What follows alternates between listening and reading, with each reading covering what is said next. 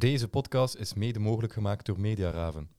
Welkom bij de zesde aflevering van Blue White Breakdown, een podcast over agent gemaakt door Buffalo's voor Buffalo's. Ik ben Thibaut en ik zit hier opnieuw met Cedric, Jentel en Niels. Goedemiddag mannen. Hallo. Goedemiddag. Goedemorgen. Goedemorgen eigenlijk. Ja, het is eh, tien uur nu. De we enige, Niels is de enige die wakker is.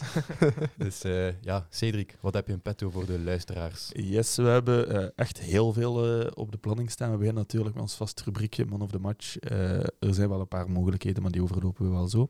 Eh, dan gaan we natuurlijk overgaan naar de mogelijkheden in play-off 1, omdat ik denk dat het nu wel vrij zeker is dat we play-off 1 halen. Natuurlijk, in voetbal kan alles gebeuren, maar ik denk dat we bijna op twee uur mogen slapen. We gaan in play-off 1 zitten. Ehm, dan gaan we over naar het beste middenveld, want vorige week besproken, hebben we de beste aanval besproken. En, het, eh, en de, in de komende weken zullen we dan beste verdediging en keeper doen.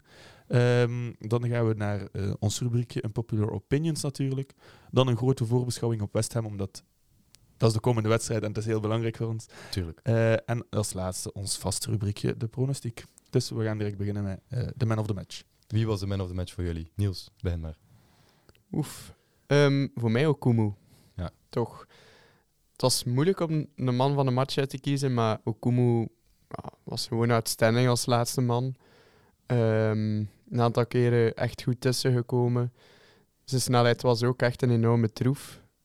Zeker met Boniface ook, die af en toe, zeker in de eerste helft, bij die uitbraken van Union, zeer gevaarlijk was. Ja, Ehm, Oké, bij het tegendoelpunt wordt Okumu daaruit gekapt, maar dat is ook enorm moeilijk. ja ik vind dat ook.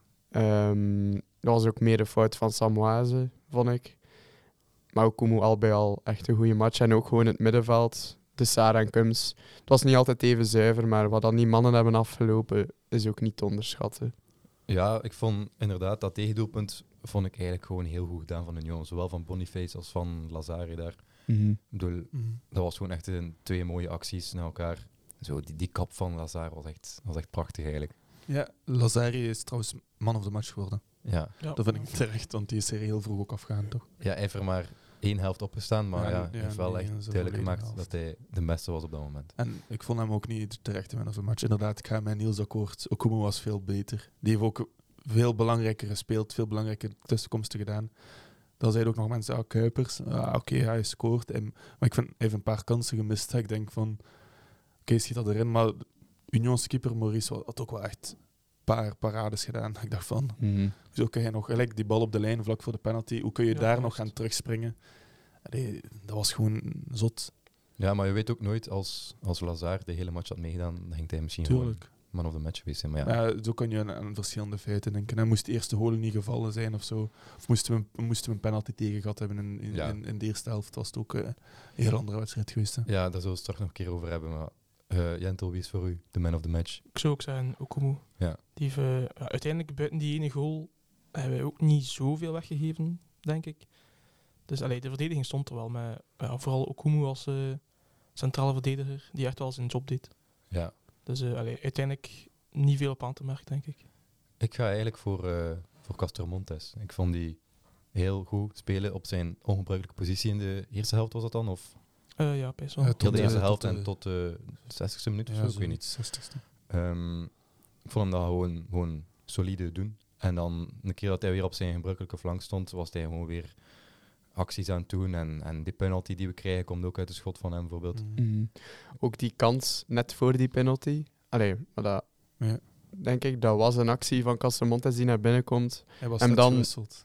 Diep, diep steekt naar Kuipers, die Ja. hem dan mist. Dan Hong, Hong die hem aflegt voor Castemontes, die klaar staat om te schieten. Ja. Dus eh, inderdaad. Terechte penalty. Ja. ja, Denk het wel. Allee, ik, ik had de beelden direct na de wedstrijd. Ik heb heel de wedstrijd na de- opnieuw gekeken, omdat er zoveel fases waren dat ik dacht van ik wil ze wel eens bekijken. Ook fases waar ik helemaal niet akkoord ben, maar ik denk de penaltyfases, gelijk de handbal naar de, de Saar gericht. Goh ja, je ziet, op hem, je ziet op één camerabeeld dat lijkt van zijn hand is immens ver van zijn lichaam, maar wat hij doet is zijn hand plakt aan zijn lichaam en zijn hand gaat naar achteren. Dat is een natuurlijke beweging. Dus, Dus, moeilijk het is zeggen geen- van, ja, ga naar de bal toe. ja, Je je ziet mooi dat hij zijn hand tegen zijn, tegen zijn lichaam houdt. ja, voilà. En, Oké, ja, zijn hand hangt een klein beetje naar onder, maar ja, uiteindelijk, als ze lang En arm bij- zet, ja. Ja. En bij Linen eh, was het tegenovergestelde. Je ziet zijn handbeweging naar de bal. Je ziet hem gewoon onnatuurlijk breder worden. Dus ja, allee, als je daar zegt, dat, ja, dat is natuurlijk, dan, dan stel ik me vragen bij wat, dat jij, allee, wat je Ja. natuurlijk vindt. Ik vond Ja. de reactie van Karel Heraerts overdreven. Ja, Ehm, hij zegt dan die twee fases. Hij, hij, hij had gezegd van, als je de ene niet fluit, moet je de andere ook niet fluiten. Maar het zijn niet- totaal geen vergelijkbare situaties. Oké, ik snap dat er daar rond commotie kan zijn, want de hensregels op dit moment die zijn gewoon ook belachelijk En onduidelijk. en onduidelijk. maar als ze dan toch de regels toepast zoals ze zijn op dit moment, dan maken de scheidsrechters, die zelf ook verward zijn omtrent het fenomeen van hands, ja, dan passen ze de regels gewoon correct toe ook. Ehm, en ook van, ja, die fases vergelijkbaar of niet. Sorry, maar dat is appelen met peren vergelijken ja. in het ene geval, gelijk dat Cedric zegt, bij de Saar is, de ar- is de arm tegen het lichaam. Oké, je kunt zeggen, hij doet zijn arm zo wat naar beneden. Maar volgens mij is dat in extra time is dat ook gezegd een instinctieve reactie van ik wil proberen die bal tegen mijn knieën te krijgen. En daarom doe je die arm ook automatisch naar beneden. Ik denk dat het ook is om En- gewoon u zo smal mogelijk te maken. ja, inderdaad. Ja, Als je je arm naar boven doet, gaat het automatisch een beetje breder worden via je schouders. Terwijl als je naar beneden doet, gaat het een beetje Ja. smaller worden. Dus ik denk dat dat ook daarmee is. Ja, en je ziet hem zijn arm ook gewoon intrekken, Ja, eigenlijk, ja, naar zijn lichaam toe trekken. Omdat hij misschien weet van, ja, dat zijn de regels. Ja, dus ik zou zeggen, gewoon, dat is geen penalty. En ja, de beweging naar beneden is dan eigenlijk van een beetje instinctief van oei, die bal gaat ook richting Ja, ter, ho- ter hoogte van mijn eh, ja, klokkenspel. ja inderdaad. En dan doe je zo al die beweging. Dus Ja, als, Ja. Je, als je een bal naar je gevoelige deel ziet komen, dat is wel rare bewegingen. inderdaad. Natuurlijk, maar nee, met dan de bal naar de gevoelige delen, dan daarop te springen, bij vrije trappen mag dat dan niet. Ja, ik vind dat delen. zeven. ja, voor dat die vind ik echt niet oké. Ja, maar ik zeg het, de regels zijn gewoon Ja. raar. Ik bedoel, oké, de regels zijn bij die penalties nu wel goed toegepast, maar ik vind eigenlijk dat de regels aan zich niet, niet, Nee, ja, echt, het is wel- niet echt Mhm. kloppen. Ja, maar heel de speeldag waren er uh, allee, Ja. Ja, Ja, ja. ja, het dan- was niet alleen in Gent. dan vond ik het wel goed. Eh, nu was het de eerste keer met het referee department dat ze daar zo'n een YouTube-video over hadden. Dat vond ik echt goed. Ik was ook blij dat ze dat gedaan hebben. Het heeft mij ook veel duidelijk gemaakt, omdat ik dacht van, oh, het de penalty bij eh Cercle Antwerpen. Ik vond dat totaal geen penalty, maar ik kan er nu wel ergens in volgen, als je, als je de video hebt bekeken. Ehm, Maar ik vind wel, allee, eh, in het verleden deden ze altijd zo een video op hun eigen, de referee department, zodat er geen, allee, maar dat was altijd, eh, was. dat was altijd dingen.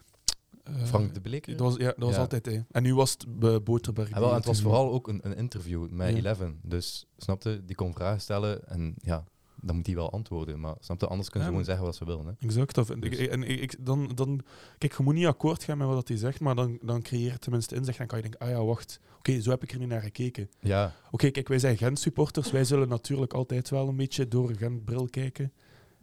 Eh, Maar ook omgekeerd, gelijk als Union-supporter, denk ik dat je moeilijk nu kunt zeggen, ah, als je die video kijkt, bekijk, oké, ik vind het nog altijd echt gewoon 100% de penalty. ja, het zorgt wel voor wat meer denk, respect tussen de supporters en, Ja. eh, en ook gewoon de spelers en de scheidsrechters. Ja, duidelijk. Als je zoiets doet, ja. Nou, ik denk sowieso bij die vorige video's van het referee department heel veel duidelijkheid schepte dat ook niet, denk ik. Terwijl nu die ene video, eh, dat, was, allee, dat was al veel duidelijker, denk ik. En ik vond ook die vorige video's, dat was zo'n beetje, beetje uit de hoogte zo. Ik vond dat Ja, ze, ze stelden er echt zo mega autoritair op. Ja, dat was ook wel moeten zijn als scheidsrechter, maar maar moet je wel beetje- verantwoorden. Als je weet, je hebt een foute, foute beslissing gemaakt, moet ik wel, vind ik wel dat je als scheidsrechter moet kunnen zeggen van, ah ja, oké, ik Mhm. was fout. inderdaad. En niet gewoon zoiets uit die duim te zuigen van, Ja. ah ja, maar kijk, was, ik had toch gelijk, want dit en dit. Terwijl dat eigenlijk gewoon zever is. Dat zei de scheids op standaard Genk ook blijkbaar achteraf tegen de trainer van Genk, Ja. Franken.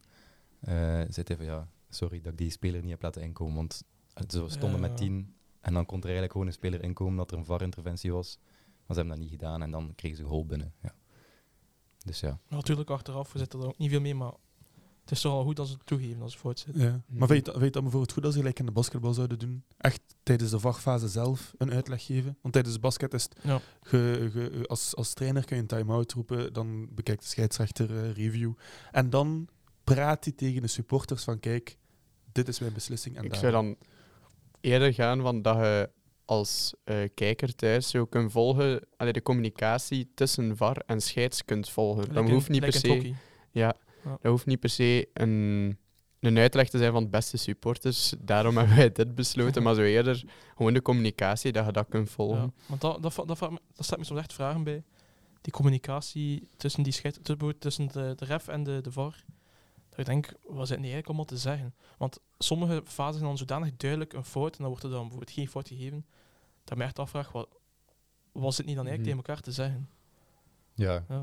ik vraag me dat soms ook af. Ook deze wedstrijd waren er een paar eh, fouten voor het, de eerste helft. De fout op Orban. Wat ik duidelijk wel een fout vond. Dacht ook, ja. Allee, de commentatoren waren met mij gelijk, maar op Sporza staat dan het was geen fout. Dus ik dacht van, hm, hoe is het nu? Eh, ehm, want Orban wordt getackeld door... Ik weet niet meer het was. Ik denk, ik dat, denk van eh, de rijden. Ik denk het ook Ja. van de reden. Ja, en ik, eh, eh, hij was niet de laatste man, dus hij, hij moest eigenlijk geel krijgen, vond ik. En ook een fout, maar dat was dus niet. Want oké, je ziet wel gelijk dat, de bal, dat hij de bal speelt, maar als je dan inzoomt, zie je dat hij gewoon duidelijk zijn voet Mhm. mee heeft. Denk ik, ja. En eh, een nog meer dubieuze fase dan, vond ik. Als je klaagt over Union zijn er dan die hensbal van de Saar. Oké, ik ga appelen met peren vergelijken, maar ze zwijgen dan allemaal over die fase in de eerste helft. De diepe bal op Kuipers, Ja. die eigenlijk perfect kan afwerken. En dan krijgt hij echt ostentatieve duw Van twee Kandus. handen Ja, van, kan, van ja. Kandus, ja. Ehm dat kun je perfect voor mijn part ook penalty voor fluiten. Ja, inderdaad. Ik heb daar iets eh, speciaals over gehoord, ook in extra time. Allee, die vonden ook allemaal eigenlijk dat dat een penalty was. Dus ik vind dat persoonlijk ook. Ik vind dat gewoon een duw en daardoor kan hij echt niet afwerken. En het was echt wel duidelijk met twee handen een duw. Ja, Ja, een schouderduw is nog iets anders, maar echt met twee handen in de rug duwen. inderdaad. Maar Kuipers, één, die valt niet.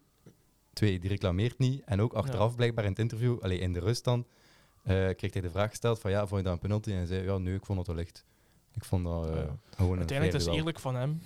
Maar als het dan toch iets harder is Ja. en hij valt ook niet, dan gaat de scheidsrechter ook nooit fluiten. Het is penalty. Maar dat vind ik wel een probleem in het voetbal. Je- bent als speler blij- bijna verplicht van te duiken en te vallen tot en met. Ja, Om toch maar een Mhm. fout tegen te krijgen. Want als je dan toch een fout tekent en je beslist van oké, het is een fout, hè, ik heb mij zeer gedaan, hij heeft een knal op mijn enkel gezeten. Maar ik ga mij niet laten doen, ik ga mij gewoon, eh, ik, ik ga gewoon voortdoen met lopen en bal binnen, eh, binnentrappen. Dan krijg je nooit een fout tegen. ja, als Kuipers daar valt, is het volgens mij altijd penalty. En daarom vind ik wel, dat is de sterkte van Union. Oké, het is frustrerend, maar dat mist Gent. Is zo'n beetje, sorry voor het woord, zo wat het klootzakje uithangen op, Ja. op een veld. Dat mist Gent. Zo een keer u laten vallen, zo wat beuden. Oké, dat is niet mooi, maar iedereen doet het.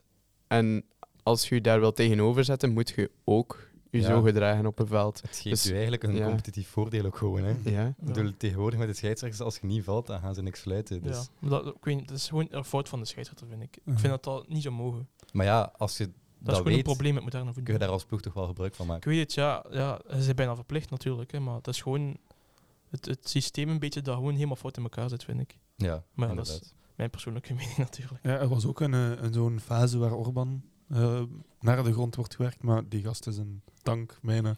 dus die, die bleef gewoon op zijn voeten staan. Eh, maar wat ik nog zou zeggen over Hugo Kuipers. Van kijk, ja, de scheidsrechter kon daar zeggen van, ja, inderdaad fout, maar hij heeft verder gespeeld. Dus dan is het aan de scheidsrechter. Hij oordeelt dan van, speelt door. Want hij, allee, moest het in de inderdaad gevallen zijn, zou hij teruggekomen zijn. Maar hij gaf ook niet de intentie van, er is een fout gebeurd. Mhm. Dus Ja. dan, dan snap ik Boterberg wel van, hij gaat er niet op in, omdat hij, kom, hij reageert er niet op. Maar ja, Boterberg, maar misschien de VAR wel. Hè. Allee, de VAR, die Ja, maar de fase is gedaan, snap je? Hij heeft geschoten naar het doel. Ja, ik weet, maar ja, ik bedoel, de VAR kan dan toch wel nog zeggen tegen de scheids van bekijk dat keer. Ja, ik vind, ik vind dat heel, heel dubbel. Ehm, enerzijds, het is een fout, ja. Maar eh, Hugo Kuipers heeft ervoor gekozen om verder te gaan. Dus dan vind ik het, geen, nee, dan vind ik het wel een fout, maar dan moet je niet terugkomen op die fase. Oké, je Ja. mag je speler altijd straffen. Want dat gebeurt ook soms, hè, dat je, ehm, als er een, een tackle gebeurt en ze, geven, ze laten verder spelen en dan die kans is afgewerkt, dat ze dan terugkomen op die fout, een kaart geven, maar dan niet per se een vrije trap geven. Dat vind ik dan wel een correcte beslissing. Maar kijk, Hugo Kuipers Ja. heeft geschoten, zijn kans afgewerkt. Maar als je dan op dat moment geel heeft, dan is eigenlijk toegeven van nee, ik is penalty, maar ik ga geen penalty geven, ik ga je gewoon een kaart geven. Ja, Allee, maar dat dat, is- dat is het principe van verder voetballen. Want als bijvoorbeeld op FIFA, Ja. Ja. de- allee, jullie hebben allemaal FIFA gespeeld. Ja. Als je getackeld wordt, zie je een, een, een geel icoontje met Ja. twee handen in de lucht. Mhm. Dan heb je ook als, als voetballer het echt de keuze om te stoppen met voetballen en die vrije trap te nemen. ja. Maar dat is het verschil. Die fase is in de 16. Ja, En Hugo Kuipers werkt gewoon af en dan is de fase gedaan. Dus voor mijn part kunnen dan zeggen, oké, penalty. ja, Maar als dat in het middenveld gebeurt en gebeurt een fout, dan kan het spel nog echt een, een halve minuut verder gaan en dan pas is de kans. Dan kunnen ze zeggen van oké, ik kom niet meer terug op de fout, want die ploeg heeft al echt al een, een kans gehad om de aanval verder te zetten. ja. Maar daar is dat gewoon, ja, een, als je in de 16 bent, gaat dat sowieso niet lang meer duren. Hm. Maar zelfs op En- middenveld gebeurt dat. Hè. Allee, als jij voordeel krijgt als ploeg en dan drie seconden later of zo Mhm. pakt de tegenstander weer de bal, dan kan de scheids terugfluiten hè, en Ja. zeggen vrije trap. Dat had hij nu misschien ook moeten doen bij die penalty. ja. Allee, eventueel penaltyfase. Dus En daar gaat het hem over, dat is de match aanvoelen. Ja. En dan missen scheidsrechters. Ook door de regels die te, Te ingewikkeld zijn. te ingewikkeld, voor, te formalistisch. Ja, Eigenlijk. Ook, ja. ja. Ehm, waardoor dat scheidsrechters een beetje de, de mogelijkheid worden ontnomen om de match aan te voelen. Een beetje te interpreteren. Ja. ja, ik vind dat er nog steeds inderdaad ruimte moet zijn daarvoor. Ik bedoel, ook bij die handsregels, misschien moet je gewoon... Kijk naar de intentie misschien van de speler. Ja, dat was vroeger de regel. Hè. Ja. Is er een intentie van naar de bal gaan? Nu is dat helemaal geen regel Ja, meer. maar stel Dus- dat je springt, je, je arm blijft niet naast je lichaam, want je moet natuurlijk in de lucht moet je die evenwicht houden. ja. Dus als je dan een bal tegen je hand krijgt, dan ja, ah, je hand is niet aan het lichaam, dat is penalty, maar ja, dat kan het per ongeluk zijn. Of, of stel nu, de bal komt langs achter u, en zo tegen je hand dat de bal zelf niet gezien hebt, Hm. dan weet ik ook niet, is eigenlijk penalty of niet. Maar dat is ook geen intentie dan. Inderdaad, aanvoelen of het intentie is. Ja. Allee, dat is misschien nog het, de minst slechte oplossing of zo voor eh handsregels toe te passen. Ja. Ingewikkeld. Ik denk dat we allemaal een keer naar de scheidsrechters moeten gaan en Ja. zeggen, wij gaan Ja, dat keer herschrijven. Ik heb nog een paar, eh, nog een paar statistieken van de match. We hadden eh 61,5% balbezit. Ja. Eh, we hadden ook 1,53 expected goals en Union 0,66. Dus ja, dat is toch wel een vrij groot verschil. Alleen vrij groot, van één goal verschil. Ja. Maar ik vond vooral, als je naar die statistieken kijkt, bijvoorbeeld dat balbezit, vond ik achteraf gezien de match van Union een beetje flauw. Omdat ze, allee, als je weet hoe goed dan die mannen kunnen voetballen, ze komen op voorhand en nog geen minuut, eh, op voorsprong dan nog geen minuut. En dan krijgen ze in één keer allemaal achteruit. Maar toch niet helemaal, Ja. toch niet, zeker niet in de eerste helft. Nu ja, eerste helft viel nog mee, maar zeker in de tweede helft. Maar gewoon als je weet hoe dan die mannen, hoe, hoe goed dan ze kunnen voetballen, ik, vond het een beetje flauw van Union. Dat ze gelijk niet durfden. Of Ik vond ja, ze de eerste helft en zeker in het eerste kwartier ongeveer, 20 minuten, vond ik ze echt wel mooi voetballen. Was ik echt zo ja, van, wow, voor de rest van de match... niet recht overrompeld. ja. Ja. Ik, ik, eh, ik ga akkoord met wat Hein van Aasbroek zei. Ehm, hij zei van ja, van statistiek inderdaad tijdens de persconferentie na de wedstrijd. Zie je het balbezit dat wij echt gewoon overwegend balbezit hebben.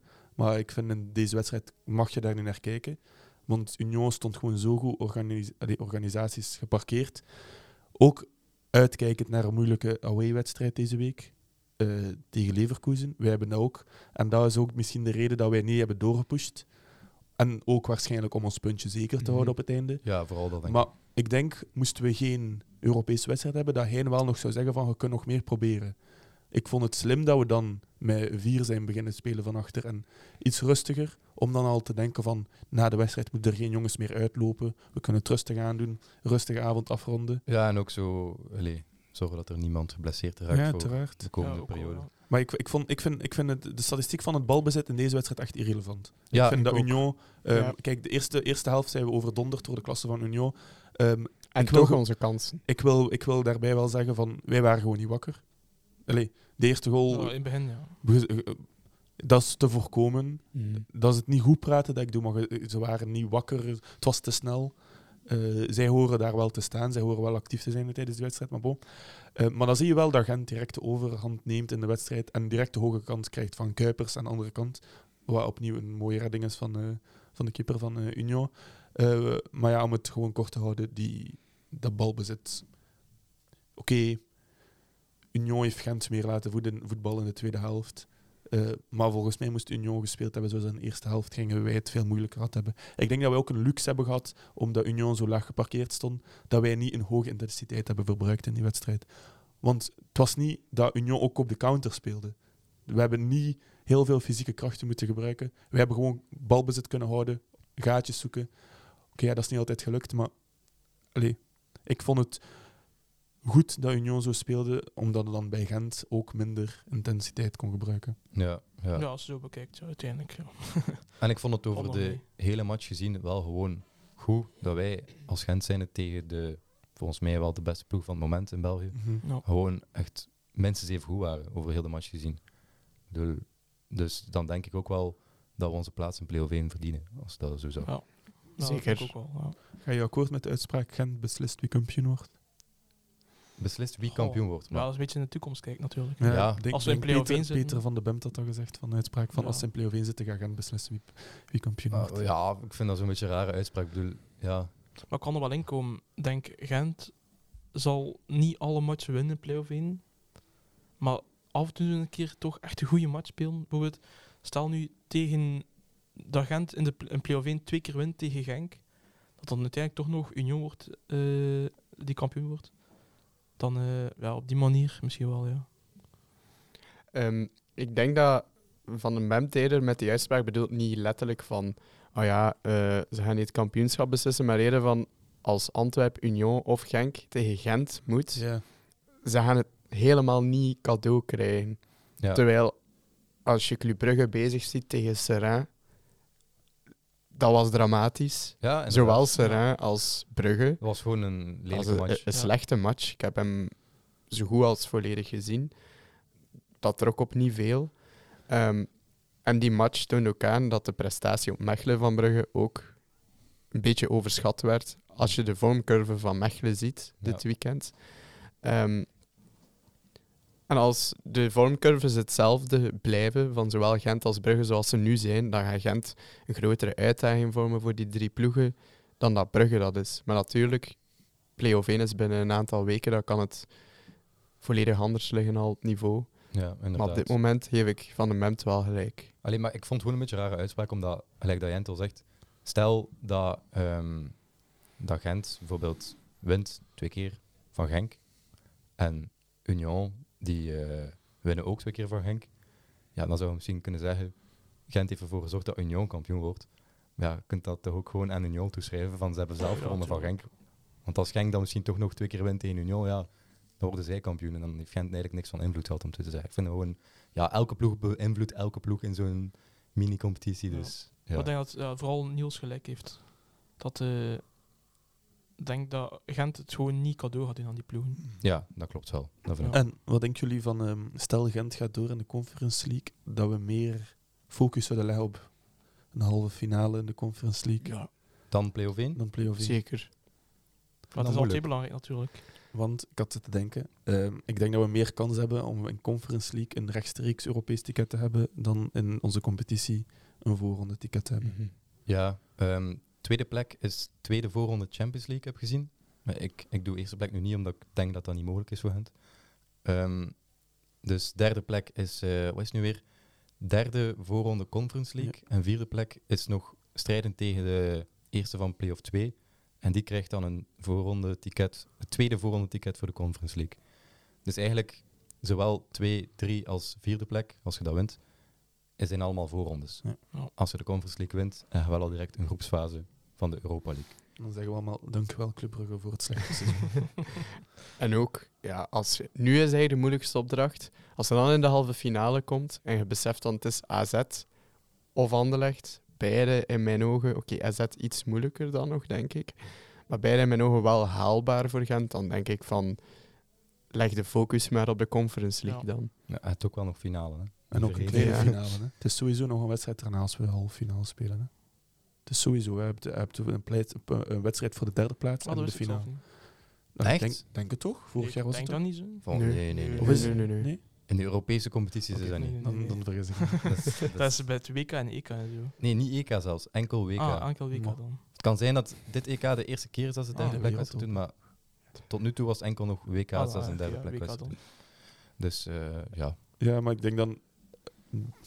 Kijk, ik zie ons doorstoten naar de finale, maar ik zie onze finale niet direct winnen. Want de andere kant zitten wel echt een ja. paar kanjers in. Je Ja. hebt daar Manchester United, eh, daar Fiorentina. United niet, hè? Nee, Dus Europa- zitten Europa League. Ah ja, inderdaad. Oei, eh. Lach, wacht, Le- Leg, of hoe zeg je dat? Lech Poznan. Lech Poznan, die, die zijn heel, in een heel goede vorm bezig. Fiorentina hebben we, Nice hebben we, en dan die andere is... Weet dat niet van buiten welke ploeg Ja, eigenlijk, maar als ik die eh, beste ploegen zo wat oplijst, vind ik eigenlijk dat West Ham de beste ploeg is. vind dus- je? Ja, ik vind wel. ik vind van echt gewoon vorm, eh, vind ik eh, Leg de beste. Ja, vorm is iets anders inderdaad, maar ik vind alleen. Maar uiteindelijk intrinsieke kwaliteiten, denk ik dat hij boven bedoelt. Maar Ja, nee, en- van- ik denk dat je gewoon denkt van naam. Want ik heb, ik heb, ik heb de laatste paar wedstrijden van West Ham gekeken. Eh, ook Europese wedstrijden heb ik gewoon opnieuw gekeken. En ik vond die gewoon bijna dramatisch om te zien voor zo'n ploeg met zo'n met zo'n spelers.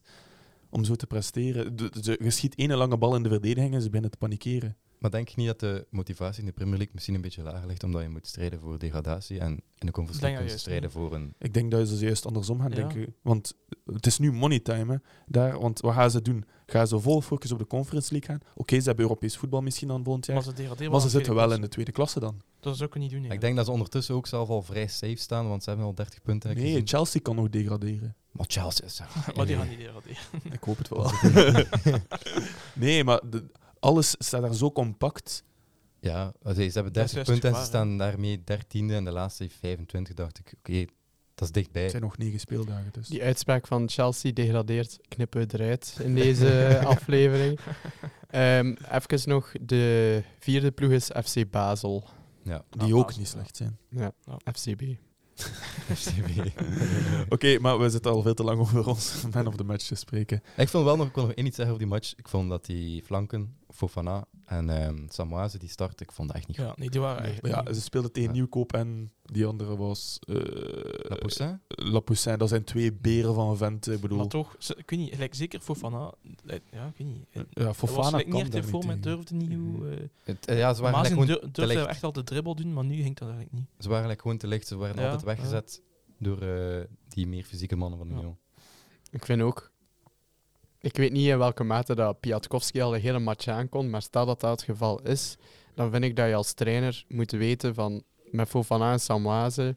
Fofana is een jonge gast, die moet je op het gemakske laten brengen.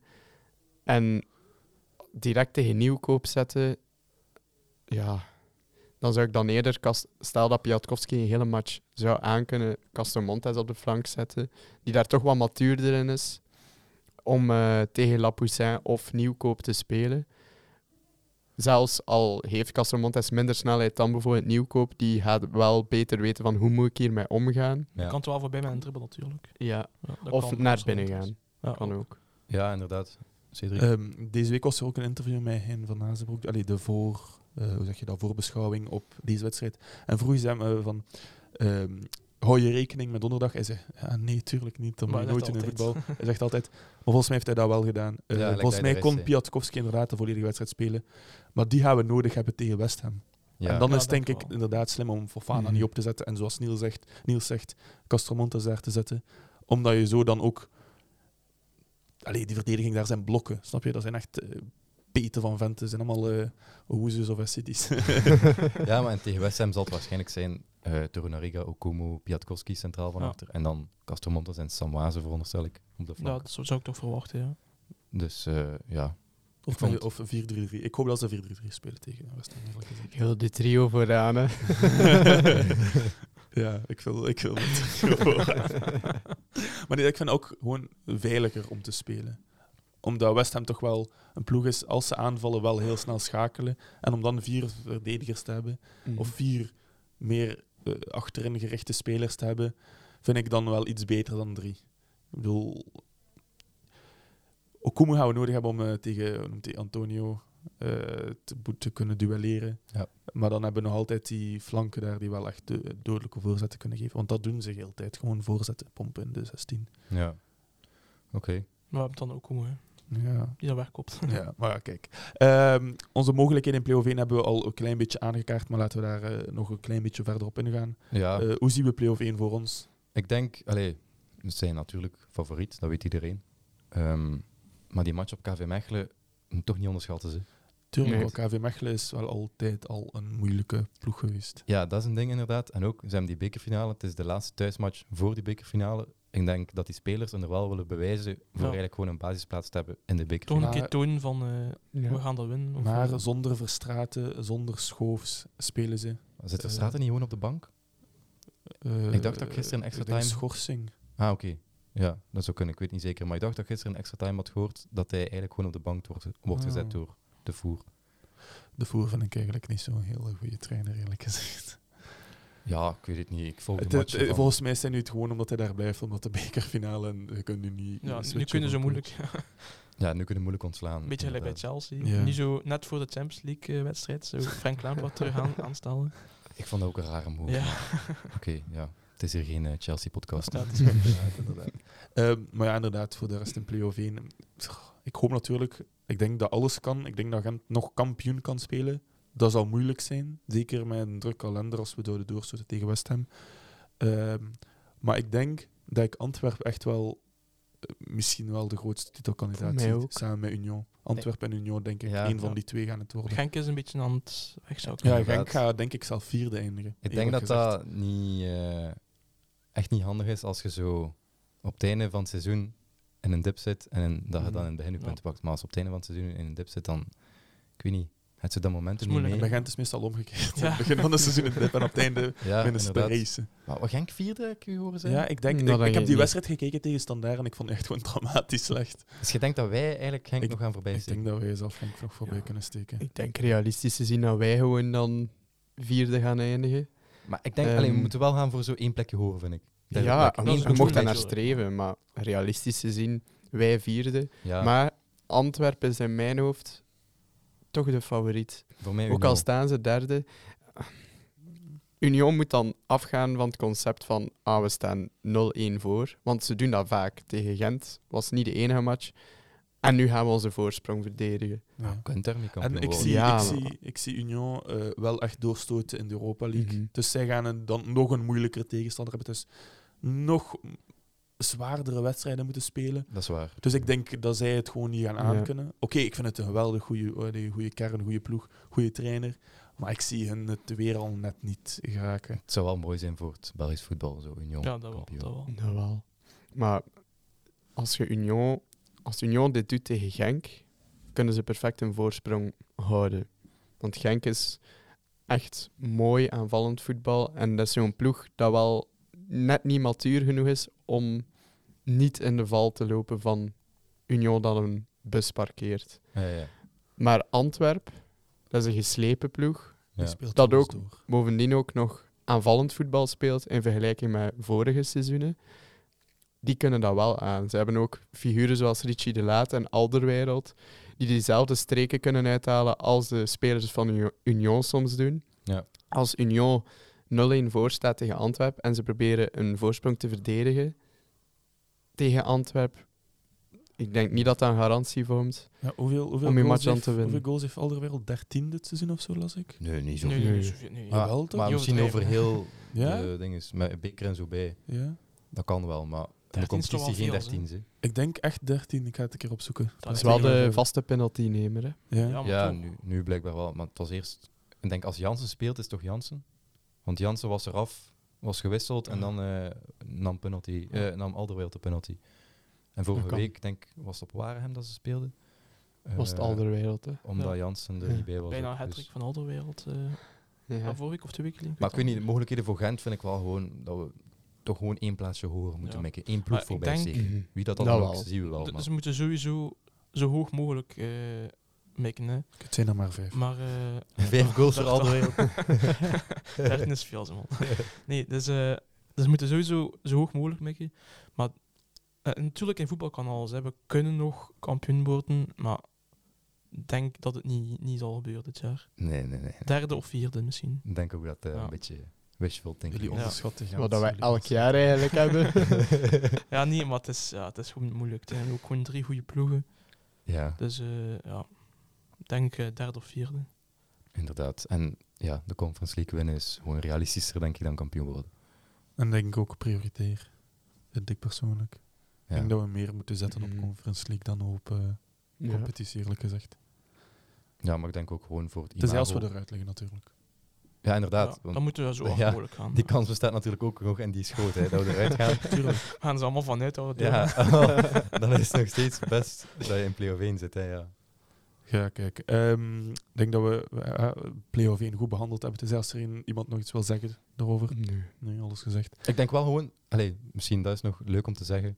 eh, het kan dit weekend al beslist zijn. Hè? Ja. Als eh, Ja, juist. Ja. Westerlo kan winnen van Brugge, Dat ik- dat perfect mogelijk. Realistisch. dat is zeker mogelijk. En als wij dan winnen op Mechelen, dan staan we er zeker in, dan is het gedaan. Ja, dat is mooi. Hè. Dat is eigenlijk al een vrij geslaagd seizoen, vinden niet? Ja. Als we staan in play-off 1, top 4 en nog een keer halve finale Europees toernooi.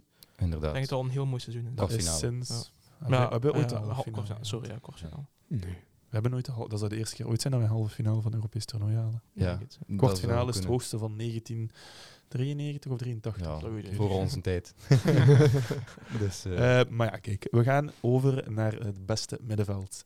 Niels, jij mocht eh, de aftrap geven. het beste middenveld Ik moet je altijd een aftrap geven. Ja, jij, zei onze, jij zei ook microfoon nummer 1. Ah, ja. Ik dacht dat je zeggen, jij zit hier onze ervaringsdeskundige, maar Dus voor de duidelijkheid, niet met die eer weglopen. voor de duidelijkheid, het is het beste middenveld dat wel samen heeft gespeeld. Hè. Dus je moet geen spelers gaan samenzetten die nooit hebben samengespeeld. Dus Niels, wat denk je? Ja, dan toch Kums en Neto. Ja. Ja, gewoon die tandem. Waarom? Ja, waarom? Dat is moeilijk. Dat is, op dit moment is dat gewoon een gevoel. Ook misschien omdat de kampioenenploeg was. En de tandem ook in de Champions League. Beetje nostalgie ook. Nostalgie en ook de wisselwerking tussen die twee. Ja. Dat was precies Yin en Jan, of hoe dat ook zegt. Ik weet het niet. Yin en yang, ja. Die, die perfect Yin en in...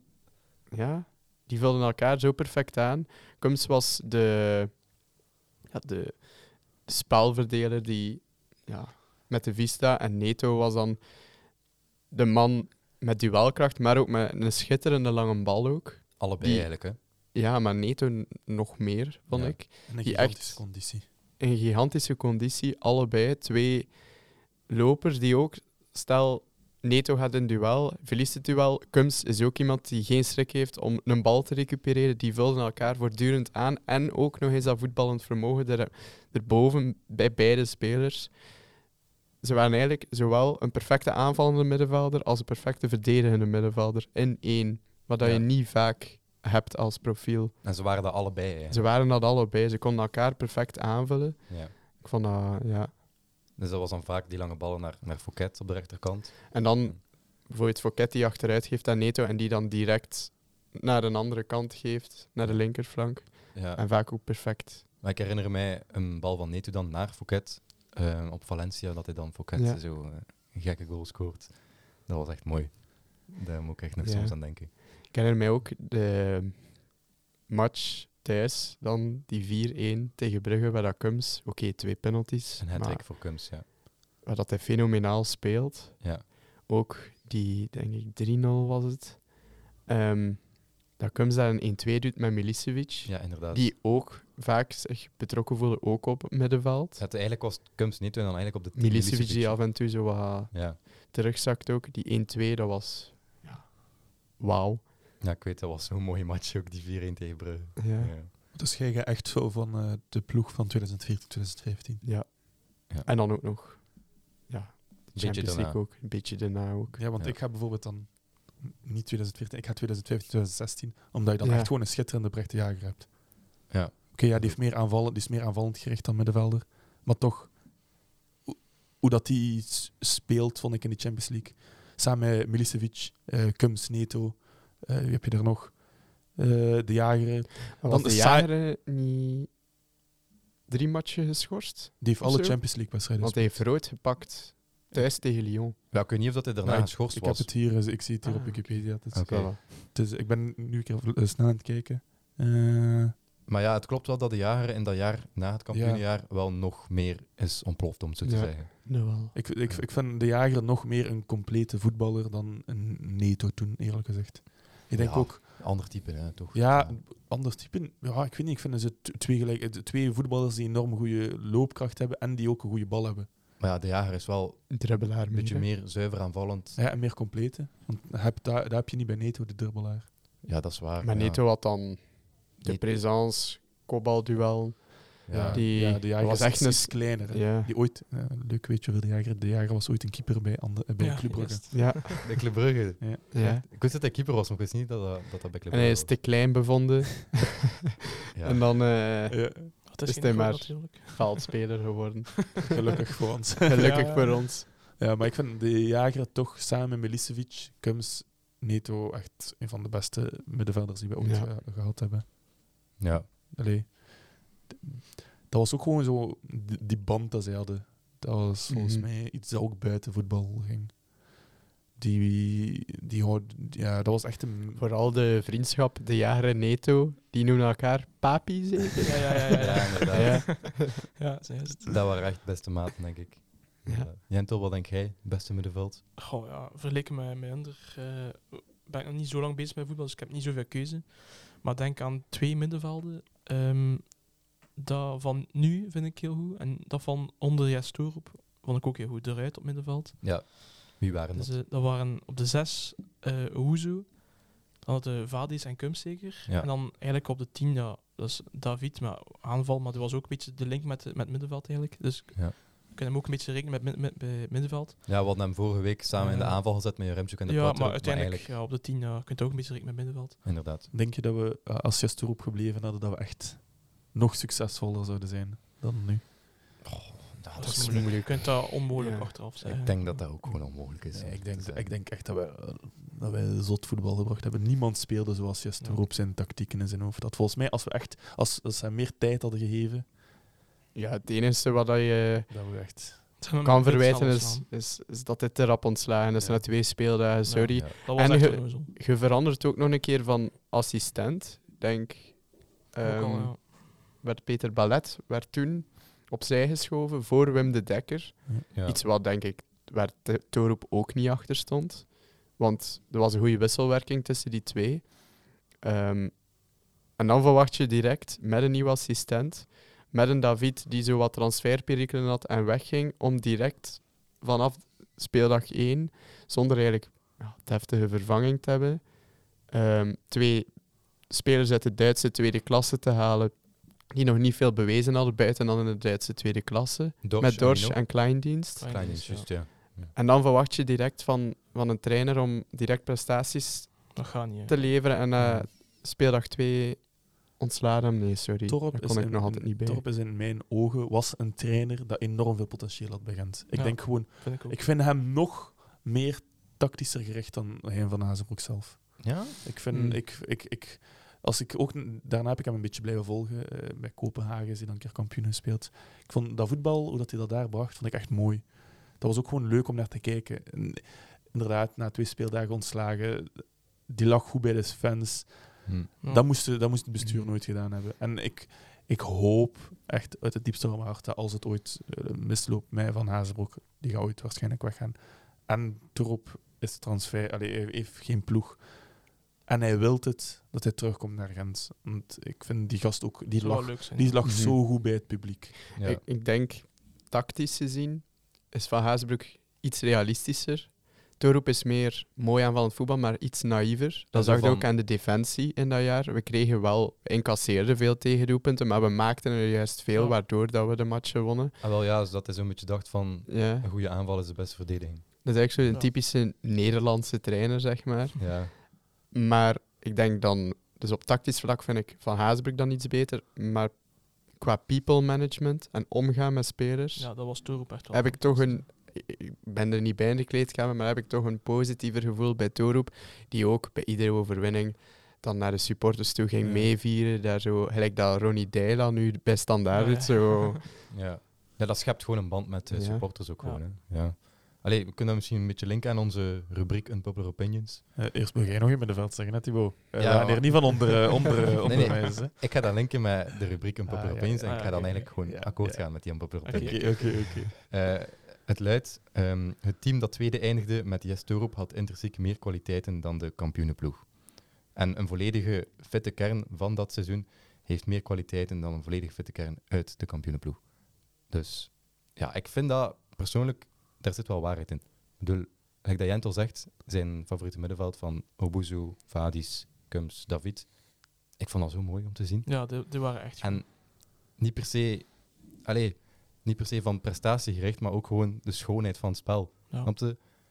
Ik denk dat ook in dat middenveld gewoon een beetje van alles had. Had Ozu, die echt soms mi- Hans middenveld in zijn achterzak had. ja, Ik weet nog de match tegen Roma, die, pff, die zaten in zijn ja, achterzak. thuis tegen Roma, hè. Ja, ja. en dan het gek. dan de stabiele middenvelders, die, echt- ey, de Kums en eh Vadis, die stabiliteit brengen. En dan David, die aanvallend gericht is, had hem van alles een beetje. Dat was perfect in evenwicht, vond ik. Ja, want vaak beoordelen supporters en iedereen eigenlijk ehm, het seizoen op basis van prestaties. Maar ik vind dat je ook mocht kijken naar hoe dat je speelt. En Ja, sowieso. dat bepaalt ook gewoon hoeveel plezier dat je het beleeft aan het seizoen. Ja. En dus ik vind dat gewoon echt wel belangrijk ook. Dus ja. Ik, ik denk dat ik even een oproep ga doen in de restgroep. Ik ontdek dat hij zonder club zit. Eh, je mag hier altijd nog assistent-trainer worden van mij. Zo'n dubbele trainer zo. Ja, ja. Hein en Toeroep. ja, maar nee, ik vind, ik, allee, ik vind Hein van Aasbroek een geweldige trainer, maar die presence van Jestroep ook gewoon, vond ik... Maar tot wel iets natuurlijk. Dat is de gentleman, hè. Ja, ja. Is ik kort broekje. Maar wat vinden jullie daarvan, van die, eh, van die stelling van dat Kan, die... kan het moeilijk vergelijken. Ik kan, ik kan erin komen. Ik kan er, ik kan er echt in komen dat dat, dat, dat middenveld echt gewoon niet normaal was. Ehm, Je zou eigenlijk in principe ehm, de ploeg van het kampioenjaar met dezelfde kwaliteiten toen eigenlijk gewoon in die competitie van 2019 moeten zetten, want alles hangt ook af van je tegenstander. mhm. Ja, dat klopt, ja. Want je weet niet in welke mate het voetbal evolueert ook. In welke mate zijn je tegenstanders beter in dat seizoen dan in het andere. Hm. Dus een moeilijke vergelijking dat je maakt. Ik weet tijden vergelijken, Ah. dat snap ik wel. Ja. Dat is moeilijk. En natuurlijk ook gewoon puur omdat ze kampioen zijn gespeeld. Heb ik nog altijd Maar er is iets beter gevoel bij natuurlijk. hè. iets beter gevoel bij Ja. Neto en Kums. Je weet nooit, hè, dat seizoen, dat was het coronaseizoen. Het is gestopt Ja. in maart ergens. Ja. En dan, we stonden eigenlijk tweede, dus de play-off 1 Dat is moest nog later, hè. aankomen. Dat is later. Hè. Het was nog één gewone speeldag. ja. En de play-offs die nog moesten gespeeld worden. Ja, Dus was inderdaad. later, het was een seizoen met 30 speeldagen en er waren Ja. er 29 gespeeld. Ah, ja, ja, ja. Ehm, dus inderdaad nog één reguliere speeldag en dan play-off 1 met 10 matchen. We Ja, stonden, precies. Brugge stond eerste, veronderstel ik. Ja, en wij, maar we stonden wel redelijk ver achter. Van Ja. punten bedoel ik. Inderdaad. Met halveringen, dus. Ja, maar ja, het was toch redelijk veel. Ik weet niet meer hoeveel het was, maar... Inderdaad, met de halvering ging het nog meevallen, denk ik. Zeker om op 10 10 matchen ja. in te halen. Dus wie weet speelden we daar wel kampioen op de manier dat we toen aan het spelen waren. Ook een middenveld eh, dat ik echt niet, nooit vergeet was onder Yves. Onder Eh, Yves, ja. ja. Ja, Ja? dat- ja, dat was... Dat is ook een YouTube-video van, van Gent zelf, comeback van het jaar. Ja, maar had daar City en wie nog allemaal? Ja, dat was zo'n zot, zot seizoen. Oké, de, de play-offs trokken op geen zak. Eh, wel maar we waren tegen Brugge. half nul twee we, waren, we waren denk ik derde geëindigd, als ik me niet vergis. Ik weet Ik- niet meer. Ik weet niet exact, maar ik weet dat we wel nog Ja, zo... De vierde, eerste, denk ik zelfs. Ondertussen ze op de eerste twee matchen waren tegen Anderlecht en Brugge en we hadden die allebei gewonnen. En toen dacht iedereen, ja, Gent doet nog mee voor de titel. En dan verliezen ze alle andere matchen tegen de andere ploegen. en dan de laatste matchen, de, de twee laatste matchen was ook tegen Anderlecht en Brugge. Ja. En die Winnen we. dan ook. Dus dan hebben we nog zo net op de Ja. laatste speeldag tegen Brugge zo'n Europees ticket gehaald. Welk seizoen was dat? Weet wel iemand? Eh, was dat niet 17, 18? Ja. Ik denk Denk dat het het 17, wel. 18 is. Ja. Ehm, en dan ja, dan pakten we nog net een Europees ticket. Ik weet nu niet exact of dat derde of vierde plek was dan.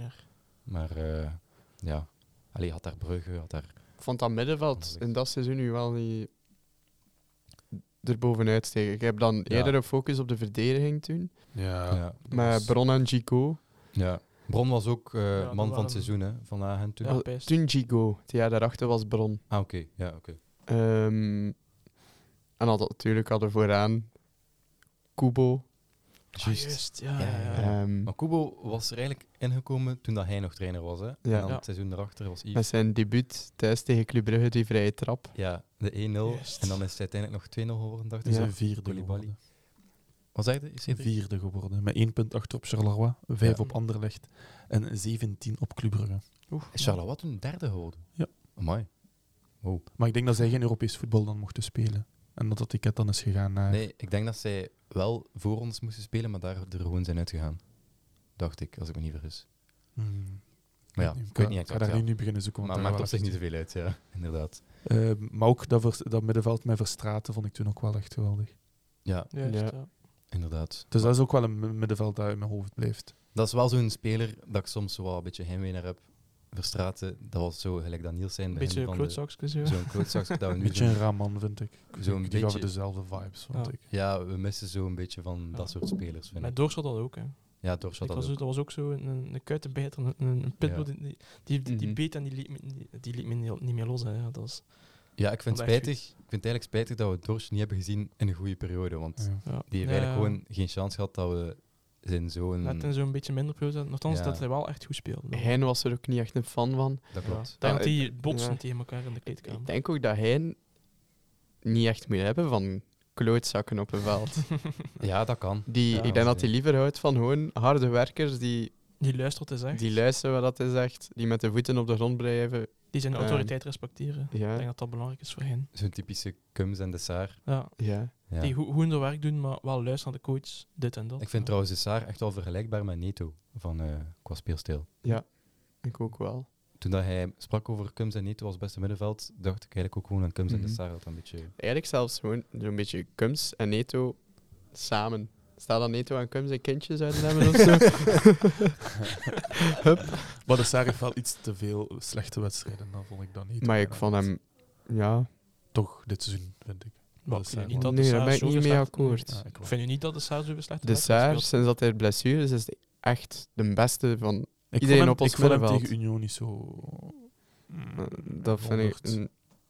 Maar ja, maar tegen Union, wie komt er, wel, wie komt er echt tot zijn recht? Niet zo Ja, spelers, inderdaad. Het waren niet Ja. echt spelers die echt volledig Ja. uitblonken of zo. Maar dat is ook moeilijk in zo'n match, Ja, denk ik. Om echt uit te Rekening houden met de tegenstander. Denk dat, je, kunt, je kunt gewoon niet een topmatch spelen. Zeker als aanvaller. Allee, ik vond Kuipers nu wel nog aanwezig. Hij heeft kansen gehad. Ik bedoel, hij moet er staan. Ehm in tegenstelling tot Orban vond ik helemaal niet aanwezig. Je had daar wel juist één mooie aflegger op de Saar. Die hem dan dit steekt naar Kuipers. En dan had je die penaltyfase. Ja, dat Kuipers geduwd wordt.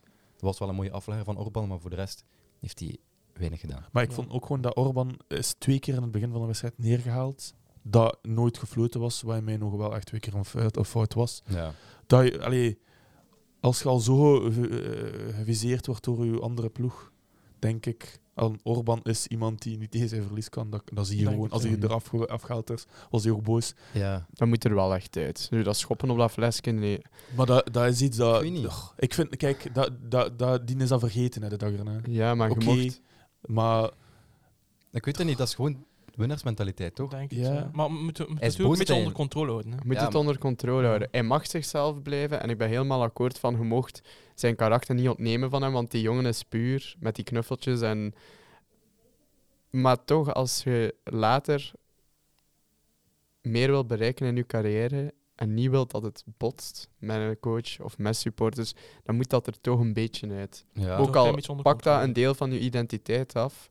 Je moet ergens je grenzen stellen. En dat geldt voor iedereen. Ook buiten het voetbal, als je gaat werken, als je studeert. Ja, ja, Je moet maar- altijd een deel van jezelf afgeven. Ik denk- niet zomaar van Dat de dat iets- niet aanstaat, begin vies worden Ja. en dingen van de, eh, op de grond smijten. Wat is het verschil tussen, tussen boos worden op een flesje en boos... Is, nee, hij was niet boos op Hein, hè. Allee, Ja. Waarschijnlijk was hij wel boos, maar hij heeft dat niet geuit naar hem. Maar ik vond dat ook. Nee, ja, ik vind dat hij niet per se. Ik denk niet per se dat hij boos is op hen of boos is dat hij gewisseld is, maar, maar gewoon gewoon, teleursteld. Maar gewoon zichzelf. teleurstelt in zichzelf Ja. dat hij een slechte Ja. match heeft gespeeld. Allee, slecht. Ik, ik, ik vond hem niet slecht spelen. Hij heeft gewoon een mindere wedstrijd. Ja, Ja. hallo, we zijn verwend geweest met eh, Ja. gigantisch veel doelpunten van En hem. hij is dan misschien van zichzelf ook al een beetje te veel gewoon dat ja, hij maar we match tegen scoort. Union. Allee, en ik, vond, Mhm. ik vond hem niet slecht. Ik, ik, ik heb hem ook gezien, aanwezig gezien. Hij, hij, hij werd gewoon goed gedekt. Zelfs als Fofana. Die stonden met drie. Hij- dat, was, dat was ook de reden waarom Fofana niet doorbrak. Want ze zeiden altijd, ah, waarom dribbelt hij niet bij de commentatoren, zeiden ze. Ah ja, als je het kijkt, hij werd ge- gedekt door, ik denk dat dat Nieuwkoop was, maar daarachter stonden er direct nog twee. Dus als je daar voorbij Nieuwkoop dribbelt, zit je toch direct vast. Dus dan Mhm. is het inderdaad niet slim om te gaan dribbelen. En dat had je met Orban ook. Ze weten wie Orban is, ze weten wat dat hij kan. Allee, Boniface is een goede vriend, dus die zullen ook wel dingen delen met elkaar. Ja. Dat is ook niet, allee, niet buiten het veld. Ehm, dus die stond gewoon heel goed gedekt. Die was gewoon... En daar moet Gent een oplossing mee proberen vinden. Want als iedereen kijkt naar Orban, staat Kuipers vrij. En dat hebben we ook gezien, want Kuipers heeft een paar gigantische kansen gehad. Mhm. Ja. Maar met dan een gigantisch goede Maurice in de goal. Dat is een voordeel, hè, ja, dat je gewoon zo twee goede spelers hebt. Ja. En Ja. ik denk, Tissou Dali komt er nog bij ook. Die kan ook volgens mij alleen maar beter worden. Dus ja. Sowieso, ja. 4-3-3. 4-3-3, ja. Maar even nog om, eh, om het allerlaatste van Union te zeggen. ehm, eh, ik vond Vadis echt gewoon op geen fluit trekken. Die wedstrijd. Nee, dat is overdreven. Dat is echt ik vond, die overdreven. wed- ik vond het wedstrijd gewoon zo traag in de eerste, in de eerste helft. Vanaf de honger op, er zat daar veel meer schwung. Dat wel. Dat is Er zat meer schwungen in het druk zetten, maar ik vond in de eerste helft wel dat Vadis de enige was die probeerde om een diepe bal, Ja, wel het waar. gaatje Ja. te vinden. Dat ga, je, ga je tegen Union met een diepe bal spelen? Maar ja, nee. het is één keer Maar een diepe bal, ik bedoel geen diepe bal, maar in de zin van een lange bal. Hè. Ik bedoel, hij zoekt altijd het gaatje op de korte ruimte, de 1-2. Hij probeert dat heel de tijd. Kums en de Saar hebben dat minder. En ik vond Varis nu, oké, je kunt zeggen dat, dat mij Hong beter is, dat is waar. Maar ik vond Varis helemaal niet de minste die er bij Gent rondliep. Tuurlijk, ja, tuurlijk wat, ik vond, vind het ook niet de minste, maar ik vond gewoon Nee. dat de Hong een betere keus was. Dat wel. Ja, ik ga vooral akkoord met Niels. Ik vond ook, hij heeft één grote kans echt gecreëerd voor Kuipers. Die voorzet helemaal in het begin, dat Kuipers dan mist. Als hij daar een assist heeft, als Kuipers dat gewoon afwerkt, wat ook niet heel eh, makkelijk is, ook akkoord. Maar als hij dat afwerkt, dan spreekt iedereen misschien anders over Vadis, Ja, want hij heeft een assist Een dan. assist, ja. Tuurlijk, maar Ja. dat is weer al wat als. Ja, natuurlijk is dat wat als, maar hij creëert wel een grote kans. Maar ik denk dat het gewoon duidelijk was dat het, het spel van Gent beter was met Hong erop dan met Ojije. Ja, maar misschien dat Hong misschien allee, gewoon beter geschikt eh, hij als speler beter geschikt is voor zo'n Ja. dergelijke match. Ja. Pas op, ik, ik zat er ook aan te denken van, eh, Hong was beter, maar Union speelde ook helemaal anders dan in de eerste helft. Moest Union misschien spelen zoals in de eerste helft, ging Hong ook niks kunnen hebben, maar dat is weer wat als. Dus. ja. Allee, het, eh, het zijn zoveel... Ik, ik kan ook niet in Heen zijn hoofd kijken. Ja. Hè. Die had waarschijnlijk ook een idee met, met, met Vadis en waarom Vadis en geen Hong. Ja, Dus- dat kan, kan mislukken natuurlijk. Tuurlijk. een plan had. Ja. En ja, om nu door te trekken naar West Ham, ik zou nu ook wel Hong zetten Ja. op de 10 Ja, ik ook. en niet Vadis. Ja. Maar Vadis vond ik wel gewoon niet, niet erbarmelijk slecht. Maar pas op, tegen, ik denk tegen, tegen West Ham dat hij wel echt... Dat Vadis wel een meerwaarde kan brengen van die, die ervaring. Ik Ja, denk Maar misschien dat, als invaller. Hmm, ik denk dat, je- dat, je, dat, je, dat je dan misschien, als je echt een nul kunt houden, of zal winnen, eh, maar ik denk dan als je de nul houdt tot aan de 60ste minuut, en dan een frisse honk kunt brengen, Maar dat je dan echt- ook, denk ik. Wat, hè? Omgekeerd kun je Omgekeerd, ook ja. zeggen. ook. Ah, ik denk, dat, ik denk dat, je, dat, we- dat Hong meer een invaller is dan Vadis, eerlijk gezegd. Ik denk dat niet. Nee. dat niet. Hong Vadis, is- Vadis is ja. sowieso al niet zo de snelste meer. Dus ik denk, hij speelt heel die match tot minuut, weet ik veel, 70 of zo, met Hong. Die kan alles onder controle op middenveld. Hij loopt hè. ook gewoon, hè. Dat is Ja. echt de loper die, En- die gaten gaat dichtlopen. Je, je, je laat Vadis invallen. Die verdediging van West Ham is al moe. Dan kan hij wel echt die pas geven tussendoor. Maar denk je, dat niet is, of denk je dat het niet slim is om dan een snelle Hong te brengen bij een moe, moeie defensie? Maar denk dat je Maar- meer zijt met een mooie pas. Hong is ook een speler die groeit in een match. Die, allee, je weet dat Varis conditioneel het vaak moeilijker heeft. Je weet dat Hong conditioneel sterker staat. Waarom zou je dan Varis laten spelen voor 70 minuten en dan Hong inbrengen, terwijl je weet dat Hong perfect die 70 minuten zonder problemen kan afleggen. En dan heb je Vadis, stel dat je achter staat of je moet scoren, dan heb je wel Vadis met die vista, met die eventueel verrassende paas, wat Hong dan wel weer iets minder heeft dan Vadis. En ook de afgelopen matchen tonen ook aan, toen Vadis inviel, zijn invalbeurten waren echt goed. Ja. Ja, klopt. Plus, hij is ook nog een keer heel fysiek. Dus Ja. stel niet dat er toch nog iemand is bij West Ham met energie, kan dat die wel, hij met veel duelkracht, kan dat die wel afhouden en zo, de bal bijhouden. Ja, maar ik snap Cedric langs een kant wel. Ja, Ja, ik als snap je het, Zegt, maar als je zegt, Vadis Ja. in de basis, hij staat misschien fysiek als in ja, gewoon... dat kun je zijn misschien wel zeggen, van laat hem sterker. starten. Maar ik denk dat hem dan meer zit toch met Hong. Ja. Of Dus Soudali. iedereen... De rijdt, hè, dan hebben we geen discussie. Ja, maar ja, denk, allee, Cedric heeft zeker een punt. Stel je voor, ja. ik, zou, ik zou mijn ongeluk verschieten moest hij zo beginnen spelen. Kums, De Saar, Vadis en Hong. Oh, nee, het is Soudali. Ja, het is. Dat is ja. Oh, daar zijn we weer. Nee, maar we zullen verder gaan op, eh, op de- onze voorbeschouwing voor West Ham. Ja, had, daar juist, eh, had het daar juist over de spitsen, maar had nog iemand vergeten, denk ik, die wel vrij vaak speelt, is Danny Ings. Die speelt daar nu ook. Ja, ja. Juist, ja. Ehm, Ja. Dat is wel een goeie, hè? Ja, ja. Wat we erover Niels. competitiewedstrijden. Nee, dat dat een goalgetter is. Wel blessuregevoelig. Ja. Dus, goh ja. Keer Een keer een, een van der, een van der Rijdertje doen of zo. Hè. Brexit, Brexit. Maar ehm, we moeten wel oppassen voor een gele kaart Torunariga, eh Kums en Kuipers, want dan is het schorsing. Ja, ik had het Ah. ook gezien. Dus dat is... Maar na deze ronde vervallen die kaarten. Lemaitre in de spits. dat is Maar denk je niet dat Kuipers zo snel... Ja. Kuipers pakt niet zo snel gele kaarten. Denk Nee. vooral toen Enrique als Weet je wel wie dat de scheidsrechter het grootste is? risico neemt. Nee, maar ja, ik denk dat dat toch niet veel uit. Maar ik denk dat we hem waarschijnlijk ook niet zullen kennen in de Conference League zo. Alleen misschien in de kwartfinale dat zal wel meer bekende namen zijn, maar ik denk dat ze het dan vooral in de Champions League gaan gebruiken. Ja, sowieso. Ehm, maar ja, nee. Het gaat een mooie match worden, want ik denk echt wel dat we kans hebben. En ik denk echt Ja. wel dat wij de voetballende ploeg gaan zijn. Dus eh, ja, we kijken naar uit. Natuurlijk, een goede tactiek kan zijn om West Ham uit zijn kot te lokken, zelf op de counter te spelen, Ja, misschien. West Ham te verplichten om de bal op te eisen, wat als ze niet kunnen, Ja. Maar dat is toch niet gewoon zijn dit seizoen. wat als ze niet gewoon zijn. En als je... Misschien halen ze op die manier uit hun comfortzone. Want ik heb onlangs gelezen, een, een analist, ik weet niet meer wie, eh, maar dat boeit ook niet, voor tegen Union, dat dat eigenlijk ook de betere tactiek zou geweest zijn. Om Ja. niet in de val te lopen van Union en de bal op te eisen, maar Union zelf het spel te laten maken.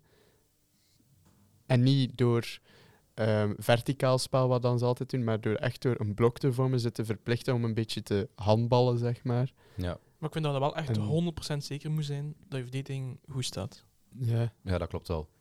is waar. Ehm, ik heb even opgezocht wie dat de scheidsrechter gaat zijn. En het is een, eh, een Griek, Anastorios Sidiropoulos. Annin. ja, kijk ik die mensen? Ehm, en het is de, een van de scheidsrechters met de hoogste aantal gele kaarten per wedstrijd. Hij trekt er gemiddeld meer dan vijf per wedstrijd. Oei. Ja, Jordan, daar moet nog oppassen. Ja. Maar Maic, zet u maar in de spits. Ehm, hij heeft eh, ook al meerdere wedstrijden gefloten in de Champions League, Europa League. Het is een, wel een van de beste, allee, betere in Europa. Hij geeft ook vaak penalties, zie ik. Ah. Dat is goed. Dan moeten we misschien niet op de counter spelen. Dan moeten we misschien zorgen dat we veel in de Ja. 16 komen. Ja, en volgens eh, de app SofaScore is eh Castromontes op het moment de beste speler bij Gent. En op basis van welke matchen? Heel Gewoon alle statistieken. Eh, ja, is, hij heeft, hij heeft gemiddeld een 8 op 10. Ja, ik de vind wel gewoon dat hij een goed Ja, seizoen speelt. mogelijk, ja. Ja. En bij West Ham is het eh, Angelo Ogbona met een 7,8 op 10. Ja, maar dat is een eh, Italiaanse... dat, is, dat is de centrale verdediger. daar. Ja. Dus ja. ja, Niels, misschien is dat wel een goede tactiek eh, van wat je net zegt. Misschien moet ik je bellen naar Hein. Oh ja, wacht, ik ga hem even bellen. Laat hem even bellen. Live op de podcast. ja, het is, het, is, het is moeilijk. Hè. Op, langs de andere kant haalt dat agent zelf misschien uit hun comfortzone door... Is te zien wie zijn, wie zijn Ja. wil het meest kan opdringen, natuurlijk. Ja. Ja, het klopt wel, Jentel, dat je zei dat je verdediging dan echt wel goed moet staan. Ja, als je op de counter wil spelen, moet je echt 100% zeker zijn dat je verdediging echt goed staat, dat ze er vertrouwen in, dat ze, dat ze gewoon alle aanvallen kunnen Ja. afbreken, als ze kopduel eh Ja. aangaan, En als je die ook winnen. ook allemaal vertrouwen hebben, Ja. alle spelers in dat systeem. En Ja, moet daar ja, echt ja. goed op trainen. Maar Als het, ik Ja. vind, als je echt op de counter wil spelen, dan moet je het ook echt goed doen. Als het niet lukt, dan moet je ook gewoon zeggen als trainer of als speler, oké, dit lukt niet, we gaan gewoon vol voor de aanval. ja, al vroeg ik vind dat- die beslissing Op de counter spelen vind ik echt, ik weet niet, risico, risicovol. ja. Ja. Je kunt het ook doen, eerste helft tot de counter spelen en dan voor het shock-effect plots daar in de tweede helft massaal druk beginnen Wat zetten. denk je dat je dat kan volhouden? Eén helft misschien Eén wel. Eén en een helft. ja. Misschien Ehm, zo het eerste half uur of zo. Ja. Of de tweede helft. Ja. Ehm, ik ging nog iets zeggen. Ehm, ja, wat ik ook wat ik hoor, ook hoor bij gewoon supporters, eh, niet alleen van Gent, Gent supporters, maar gewoon algemeen supporters. Iedereen zegt van ja, jullie onderschatten West Ham. Maar ik denk dat veel mensen West Ham dit seizoen overschatten. Dat kan wel. Ik vind hun prestaties in Europa, oké ja, eh, ze zijn goed bezig, maar ze spelen nu niet tegen zotte ploegen. Ik denk, en in de competitie, allee, het staat niks voor niks eh, eh, lager aan in het klassement. Dertiende, dacht ik. Ja, maar ik, ik zie die zone, dat is, dat is gewoon één één zone die, Ja, die echt dicht staat. Eh, maar ik denk dat ze echt gewoon worden overschat, persoonlijk, dit, ehm, dit, dit seizoen. Engelse supporters staan ook onbekend om altijd de clubs uit hun eigen land echt te overschatten Ja, en clubs uit het buitenland compleet te- Ja, te natuurlijk, onderschatten. De Engelse competitie is natuurlijk wel eh Ja. tussen de beste van de wereld, maar Je ziet toch die- Europees, volgens mij volgen die andere voetbal niet. ja, en Europees zie je ook dat dat vaak een Spaanse ploeg is of zo, die, Ja. die met de prijzen gaan lopen. Maar je En- kunt ook niet ja. verwijten dat ze de Belgische competitie niet volgen. hè. Nee, je kunt ze allemaal toch. Maar het is, ik volg ook de, ik zeg maar iets, de Poolse competitie niet, maar ik ga die ook die ploeg niet onderschatten. Mhm. Ja, ja, inderdaad. eh, Maar het klopt wel dat Engelsen zo wel vaak een beetje Uit de hoogte doen. uit de hoogte doen, allee, in de rij overschatten. Ja, dat klopt wel. pronostiekjes? Ja, ik, daarmee beginnen? ik, ik wil nog even één ding we dat zeggen. trouwens niet gedaan? Een paar afleveringen geleden. Voor West Ja, Ham. maar Ja. laten we nu de officiële doen. We zijn, al- we zijn er bekend. Nu hebben we meer info, hè. Voilà. Ik Ehm, wil wel nog even één ding zeggen van eh West Ham. Ehm, een beetje een bericht naar alle supporters. Ik denk dat als we echt als supporters een standpunt kunnen maken hier in de thuiswedstrijd, daarmee bedoel ik echt niet, niet allemaal gaan zitten neuten omdat er een paar mensen recht staan. Ik denk dat heel dat stadion een keer echt achter de ploeg Ja. moet gaan staan. Inderdaad. Alle en- tribunes. Echt gewoon een, dat, ze, dat, ze, dat een houden met van eh, eh, ze doen dit of dat met. Ik weet dat er een paar eh sfeerdingen zullen gebeuren. Wees daar trots op. Wees, wees blij dat Gent België op de kaart zet. Ja. We spelen tegen West Ham. Oké, dat is een grote ploeg. Dat is een ploeg met een enorme geschiedenis. Maar we hebben al grotere ploegen verslagen. Waarom zou het nu niet lukken? Ja. En ik Klopt. denk gewoon dat als we echt allemaal mooi achter de ploeg gaan staan. Het is een mooie, mooi moment. Mooie, mooie tijdstip. Kwart voor zeven. Donderdag in de paasvakantie. Je kon makkelijk met je kinderen gaan. Dat stadion is bijna uitverkocht. Denk nog 50 zitjes in eh, 327 naast het uitvak.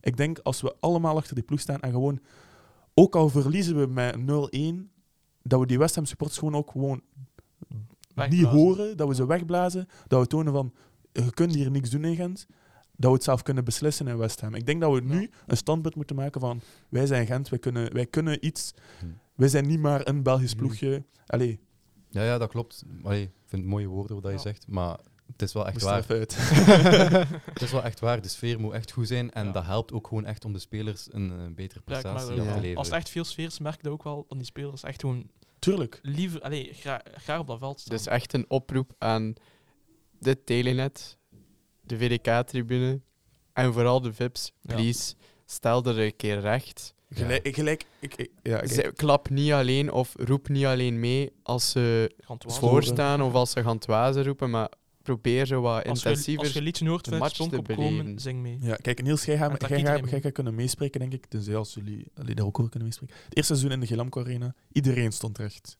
Iedereen. ja, Dus die sfeer was meer dan... fenomenaal. Ik wil dat voor deze wedstrijd eindelijk Mhm. nog een keer terugzien. Ja, dat zou mooi zijn als dat gewoon terugkomt. Hè. Ik, Ja. ik, ik- ik- waarschijnlijk gaat dat niet gebeuren, maar als dat gebeurt, zou mij Ja. enorm verrassen. En het, zou, ik zou het zo geweldig vinden. Ik, het, ik heb het weer bekeken. Het weer gaat normaal gezien ook nog wel deftig zijn. Ik denk dat later in de avond misschien gaat regenen. Maar het gaat echt een, een, een begin lentedag zijn. Dus Mhm. niemand gaat daar met een lang gezicht moeten lopen om het is slecht weer. Dus alsjeblieft, Ja. alle Gent-supporters, alle supporters die aanwezig gaan zijn, ook al ben je voor iemand anders eigenlijk, sta een keer achter Gent, man. Ook al ben je voor Club Brugge, dit is, dit is voor België dat we dat doen. Hè. Ja, klopt. Dat is gewoon, als wij dit goed doen, als Anderlecht het goed doen, als Union het goed doen, allee, hoeveel Champions League tickets zou je dan niet hebben? Stel, we geraken in de halve finale. ja, ja, met twee zo, Belgische ploegen. Zo snel zal het niet gaan, maar we gaan volgend jaar sowieso wel alweer dat rechtstreeks hebben. Ja. Ja. Eh, dus ja, dat is al mooi. Oké, eh gaan we dan over naar pronostiekjes Ja. nu? Niels, nummer 1. Niels. Je hebt al, je hebt al nummer 1 van deze keer. Ik moet nadenken. Oké, Oké, dus ik ga gewoon, ik weet nog mijn pronostiek van vorige keer, ik had daar gewoon denk ik bij blijven. Ik had gezegd eh, thuis 2-1. Eh, want ik denk niet dat we clean sheet gaan houden tegen West Ham. Oké. En eh, ik had gezegd op West Ham 1-0 verliezen. Dan verlengen en penalties. En Roef wordt de ja, held. Ja, ja, ja. Ja, ja, ja. En goalscorers, goh, Wow, eh, de twee... Wat? Ah, sorry dat ik onderbreek, maar ik dacht er echt aan en ik moest het even op tafel gooien. Ga je Roef op, eh, op opstellen terwijl Nardi het echt goed doet de laatste tijd? Ja, Roef heeft het ook goed gedaan, Europees. hè? Ja, maar eh, ik vind dat Nardi de laatste wedstrijd is aan weinig te verwijteren. Oké, maar dan kun je Roef niet... Ja, ja, ja, maar... Ik zou ja, Roef wel gewoon ja. zetten. Sorry dat, ik, sorry, dat ik je pronostiek onderbreek. Nee, Of- dus, eh, ja. Ja, naar die erin zetten en dan als het op penalties uitdraait, een eh, Ja. Louis van Haalke doen en eh Roef erin brengen. Ja. Ja, Maar Jentel, dat is voor de tweede wedstrijd dan. Dat is eh, de goalscorers. Ik weet niet meer wat ik vorige keer heb gezegd, maar ik zou zeggen... Kuipers en Orban. Ja. Ehm, ik denk dat dat het meest logisch is. Oké. Alle twee in golken. En dan ja, in penalties, zo, zoals je wilt te reeksen, zeker. Ja, dus die volgende week ook wel. Ja, Cedric? Ehm, ik denk dat we thuis een standpunt kunnen zetten van 2-0. Amai. Ehm, ik denk niet dat West Ham tot scoren zal komen. Toch niet hier. Eh, wat uit zal brengen, die pronostiek ga ik ook mij nog niet over wagen. Ik wil eerst weten wat de thuiswedstrijd brengt en het voetbal zien. Eh, en van goals denk ik wel dat Kuipers er eentje zal binnentikken, omdat hij echt, denk ik, naast Orban de man in vorm is. Ehm, ik denk dat de fase van Orban die het scoort elke wedstrijd een beetje voorbij zal zijn. Dus daarom denk ik dat de tweede goal ehm, niet van Orban zal zijn, maar van Sven Kums. Oké. Eh, ik moet ook een keer goed nadenken. Ehm, maar ik denk, ik denk weer een gekke wedstrijd. ik ga weer dezelfde pronostiek als vorige week doen tegen Union. Eh 3-2. Eh, en je maar- zegt 4-3. Ja, had 4-3 gezegd. tegen Union? Denk het, denk het wel. Volgens mij had ik echt 3-2 gezegd. Volgens mij heb je 4-3 gezegd. Ja, Of was dat tegen Eupen misschien te vinden? Voor alle duidelijkheid. Thibaut is van het weekend ziek geweest. Die, eh, dat virus, of wat dat ook was, Die is nog aan het eilen. is nog wel aan het eilen. Dus, eh, nee, nee. Ik denk echt 3-2. En ik eh, zeg Kuipers, Orban, Tissoudali. Het zou mooi zijn, het zou mooi zijn. Zo de winning goal, zo. Ja, dat is zou mooi zijn. eh, ja, ik sta meestal bekend voor realistischere pronostieken, maar ik heb daar geen zin in vandaag. Oké. Ehm, ook omdat ik, ik wil gewoon een dubbele portie praline als dat uitkomt. Niet zo'n klein Niels, doosje. Niels, dat beloof ik u. Als het u Beloofde dat? Ik beloof het. En beloofde dat Thibaut dat gaat betalen. Zijn mond gaat opeten. Een, een dubbele, dubbele portie. Zeg, Niels had wel eh, hoge eisen. Ja, dat is waar. Nu wil ik wel weten, als hij, als hij nu zegt 1-0, dan zeg ik ja, nee. hè. 4-0. Deal. Deal. Deal. Eh, ja, En dus, als het niet zo is, krijgen wij een dubbel portie eh, pralines. voor alle luisteraars, dit is mijn niet-realistische pronostiek, maar ik hou mij aan die pronostiek gewoon voor die praline. Dus denk nu niet van, die jongen kent er niets van, het is voor de praline dat ik het doe. Maar pas op, ik zie 4-0 ook wel kan gebeuren. Want bijvoorbeeld, ik had de wedstrijd eh, West Ham eh, Newcastle gezien. En nadat het 3-0 stond, eh, had West Ham geen zin meer om te voetballen. Ja, Oké, maar je moet eerst 3-0 maken. Ja, dat is eh, Misschien om een realistisch 4-1. 4-1. Ja. 4-1. allee, 4-1 Dat is- dan. Oké, maar Niels, uw goalscorers. Ja. Ehm oh, dat gaat moeilijk worden voor die praline als ik goals score. Maar ja, de, vertaal. dat moet, de, de goalscorers moeten niet juist zijn. En voor de pralines is gewoon echt de pronostiek. Ah. De goalscorer is gewoon iets daarnaast, toch? Ja? Eh, dat was- vorige keer wel gedaan, maar maar ik vind, ik vind die 4-1 al gewaagd genoeg Ja, dan die ja, goalscorers ja, ja, ja. niet moeten talen. Oké, dat is waar. Dat is voor één keer is het goed. Oké. Ehm, ja. Toch voor de sport, zeg ze een keer. Orban. Ja. Roef. Orban ene keer. Ja. Kuipers twee keer. Met onder andere een penalty erbij. En Piatkowski zo'n afstandsschot Oh, zo'n ik, keer. ik hoop dat die Oh ja, dat is Zo'n streep zo. Ja. Uit niets, zo op de... Ja, zo'n schroef. bal die zo wat botst zo. En dan, Dan, zo, eh, bam, een ja. streep. Dan ontploft het Alle, stadion. alle Een Poolse frustratie eruit. Ja. Oh, even nog iets over Piatkowski. Had je gezien eh, toen, dat, eh, toen dat, het VAR-moment was? Die was echt zo de ploeg aan het ophypen. Ik vond dat Ik kan geweldig. het niet zien. Ik, ik hoop echt dat die blijft volgend jaar. Ik Ik vind, niet gezien. die Ja. ligt zo goed bij de supporters. Ja, ook Dat is- gewoon bij de ploeg. Dat, zit- dat zit er zo'n viking uit, zo'n stoere gast. Ja. Die Ik is er ook graag. Hè. Ja, tuurlijk. Ja, in zijn interview zei hij, wel, "Oh, moest ik mezelf kunnen betalen, blijf ik hier. Dus, Het enige aan mijn tante is dat ik hij hoop dat hij scoort. wel blessuregevoelig is. Ja, Ja. Ja, als dat... Gelijk, het is zo dadelijk een keer een goede operatie en een jaar uit. eh. Oké, ja. Gaan we eh, afronden zeker? Ja. Oké, ik bedank Niels, ik bedank Jentel, ik bedank Cedric. dat is graag gedaan. Graag gedaan. En volgende week zijn we weer terug met al de zevende aflevering van Blue White Breakdown. Salut!